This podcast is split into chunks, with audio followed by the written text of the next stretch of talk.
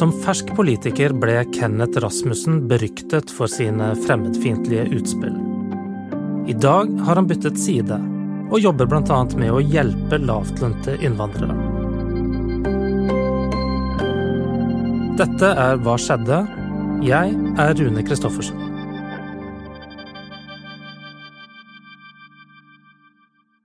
Året er 2003, og Kenneth Rasmussen er på vei inn i politikken. Det er valgår, og han ligger an til å komme inn i bystyret i Bergen for Fremskrittspartiet. Nå er han klar for valgkamp, men hvordan skal han få oppmerksomhet? Noen av disse utspillene som, eh, som, jeg hadde, det blir jo litt støy ut av det. Men, men, men, eh, jeg var ikke klar over de konsekvensene og medieoppmerksomheten jeg skulle få rundt, eh, rundt det, for å si det sånn.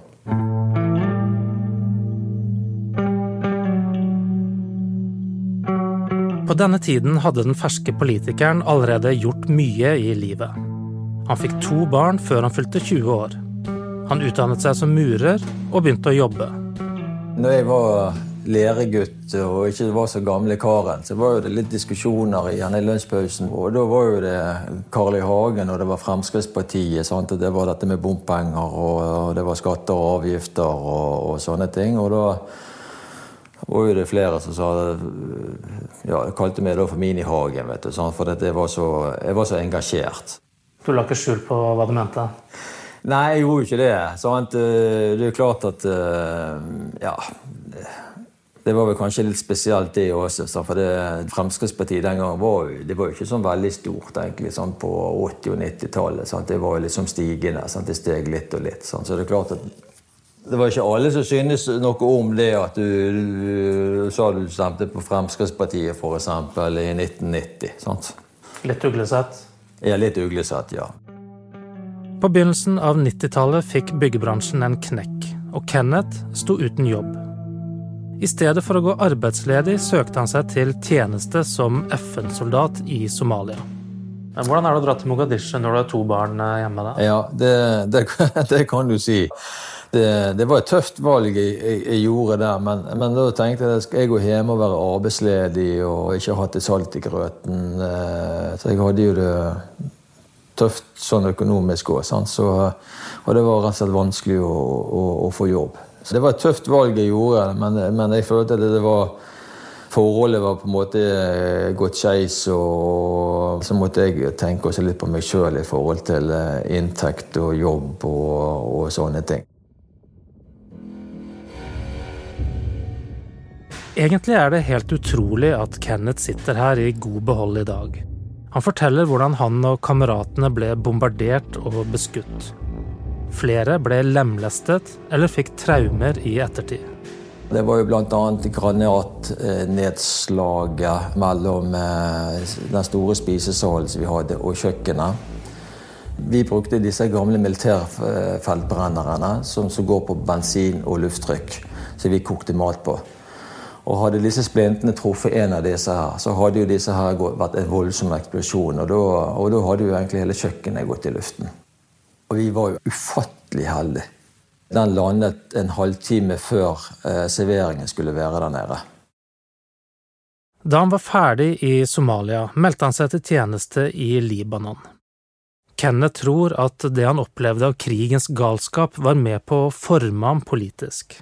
De krigssituasjonene og sånn som man holdt på da, det, det, var vel noe som gjerne satt i deg etterpå. Sant? At uh, Tenk om vi får sånne tilstander her hjemme. Så Det kan jo kanskje ha vært en sånn underliggende bevissthet akkurat på det. Sant? For det, det, var rimelig heftige situasjoner der nede som var helt uforståelig for oss. Det er en ting du ser på TV og på nyheter, men en del som opplever det.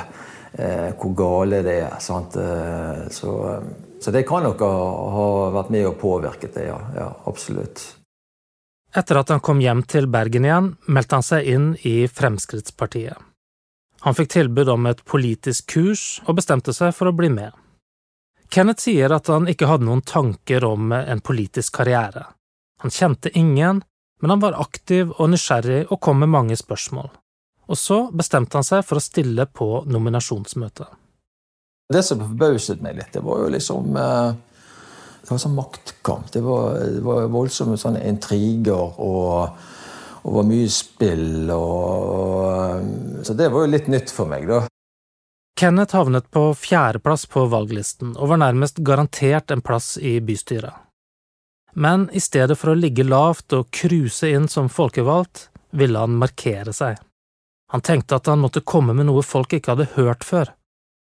I et avisinnlegg skrev han at partiet hans ikke ville akseptere enkeltindivider fra Afrika og andre synlige innvandrere. Bergen burde stenge grensene. Det var jo rett og slett for å lage en overskrift og så se om du fikk napp på den. Og så fikk vi det voldsomme, voldsomme reaksjoner på det over hele landet. Altså Carl I. Hagen var jo ute på TV 2-nyheten i beste sendetid og, og, på en måte forsvarte det i forhold til den innvandringspolitikken vi har. Mens eh, Liv Rossland, som var gruppeleder og, og leder her i Bergen, og steilte jo. Sant? Og så fikk jo jeg telefoner fra fra Sverige, jeg fikk telefoner fra andre steder i Norge som på en måte takket meg for at vi har folk som tør å si meningen og stå frem. Og det var folk som eh, eh hatet meg eh, for utspillet mine, og så var det folk som eh, applauderte det omtrent. Så du fikk liksom begge deler. Etter flere fremmedfiendtlige utspill gjorde Kenneth et brakvalg. Han suste inn i bystyret med nest flest personstemmer. På hjemmebane gikk det verre. Han sto midt i en vanskelig skilsmisse og tok permisjon fra bystyret i flere måneder like etter valget.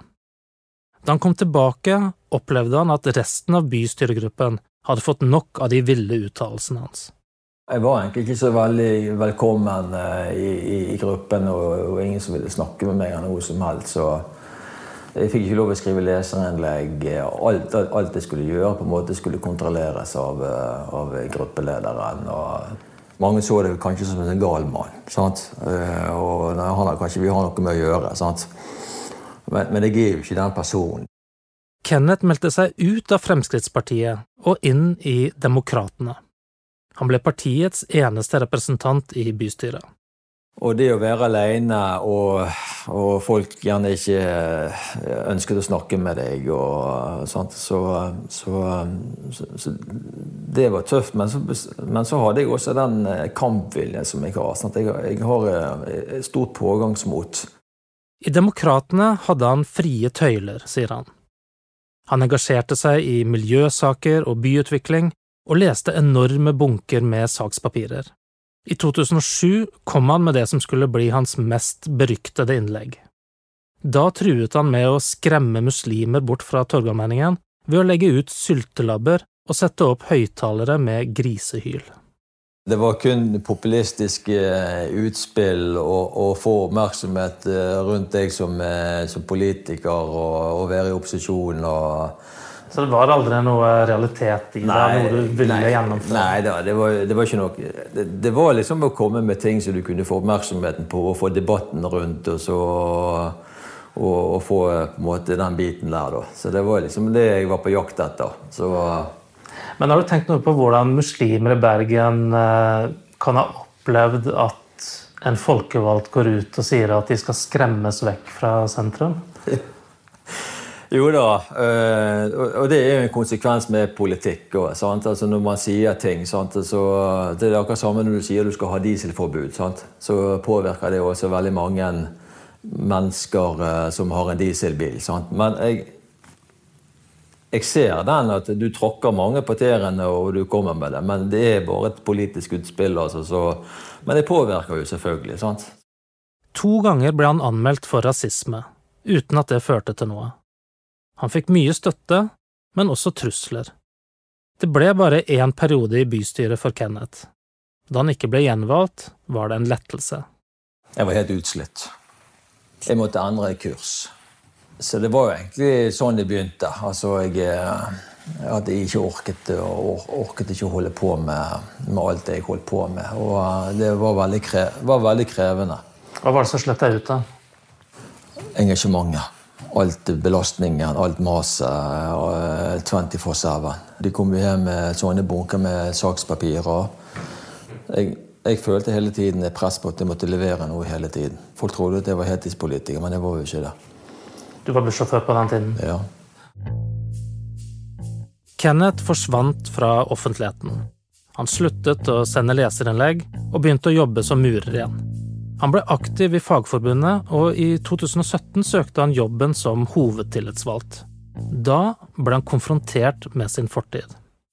Jeg måtte gå noen runder der med, med ja, samtaler på ståsted. Og, altså, alle vet jo på en måte hvem jeg er. sant? Og uh, det var også en del som var litt bekymret uh, å få meg inn i, som tillitsmann. Uh, det, var, det, var, det. Og, og, det er jo det jeg snakker litt om, den prisen jeg har også måttet betale for mine utspill, som har kostet. Men, men så, jeg, så, tenker jeg også sånn at jeg, jeg er glad for at uh, man kan ha dørene åpne. Også for personer som, som, har hatt sånne type utspill som jeg har hatt. Endret personlighet, endret holdninger. og modnet litt med årene. Sant? Jeg er jo blitt en eldre mann og har fått litt andre holdninger her også. Sant? Så, og den tilliten har jeg selvfølgelig tatt vare på, og, eh, og brenner for den jobben jeg gjør. Sant? Og det, jeg har jo Jeg spør hva han tenker i dag om utspillene. Altså, det er en historie i seg sjøl eh, for den tiden der. Sant? På godt og vondt. Det var masse ubehageligheter med å gjøre det. Sant? I forhold til familie og andre ting. Den påkjenningen jeg hadde med på det. Sant? Folk som ikke har kjent meg, da, de har jo hatt kanskje et, et negativt inntrykk av, av, meg som person oppi dette. Så, så, folk som har blitt kjent med meg i ettertid, ser jo at jeg er egentlig en helt annen person. Sant? Sånn I lys av, av, det muslimhatet som vi har sett de siste ti årene altså mm. vi har hatt vi har to terrorangrep som ja. på en måte er begrunnet med, med hat mot muslimer. Mm. Altså, tror du at du kan ha bidratt til den type hat med, med den type utspill? Får ikke, det får jeg ikke håpe, altså. Det, jeg, jeg, jeg, kan ikke, jeg kan ikke verken si ja eller nei til, til det. Sant? Men mitt ønske er jo selvfølgelig ikke det, da. Jeg, jeg tror ikke jeg har tenkt den tanken engang. Det tror jeg ikke.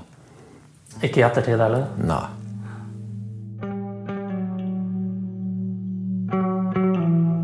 Som tillitsvalgt har han hjulpet mange ansatte med utenlandsk bakgrunn. En renholder fikk etterbetalt nesten en halv million kroner fra kommunen takket være Kenneth. Hun hadde fått for lite lønn i årevis.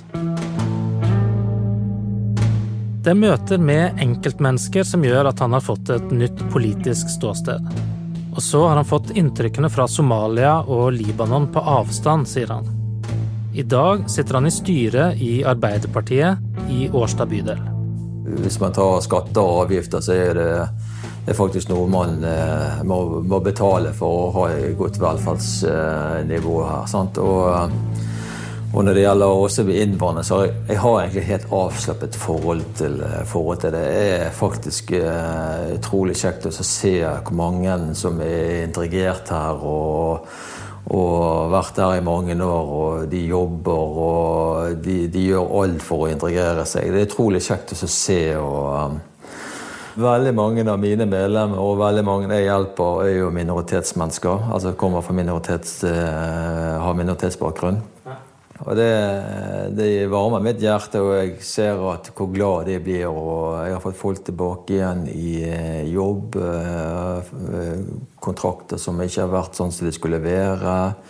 Eh, og de har kommet til meg, og jeg har gitt 110% på for å få gjennomslag for disse tingene. Kan det være at vi får se et comeback fra Kenneth Rasmussen i bypolitikken for Arbeiderpartiet? Jeg har jo løftet litt for madame. Jeg kanskje skal eh, engasjere meg mer i politikken. Så sier hun til meg at ja ja, da ser jo ikke noe mer til deg. Denne episoden av Hva skjedde? er laget av Rune Christoffersen, Anna Offstad og Arve Stigen. Trykk gjerne på abonner hvis du liker det du hører. Og tips oss på hva skjedde at btno.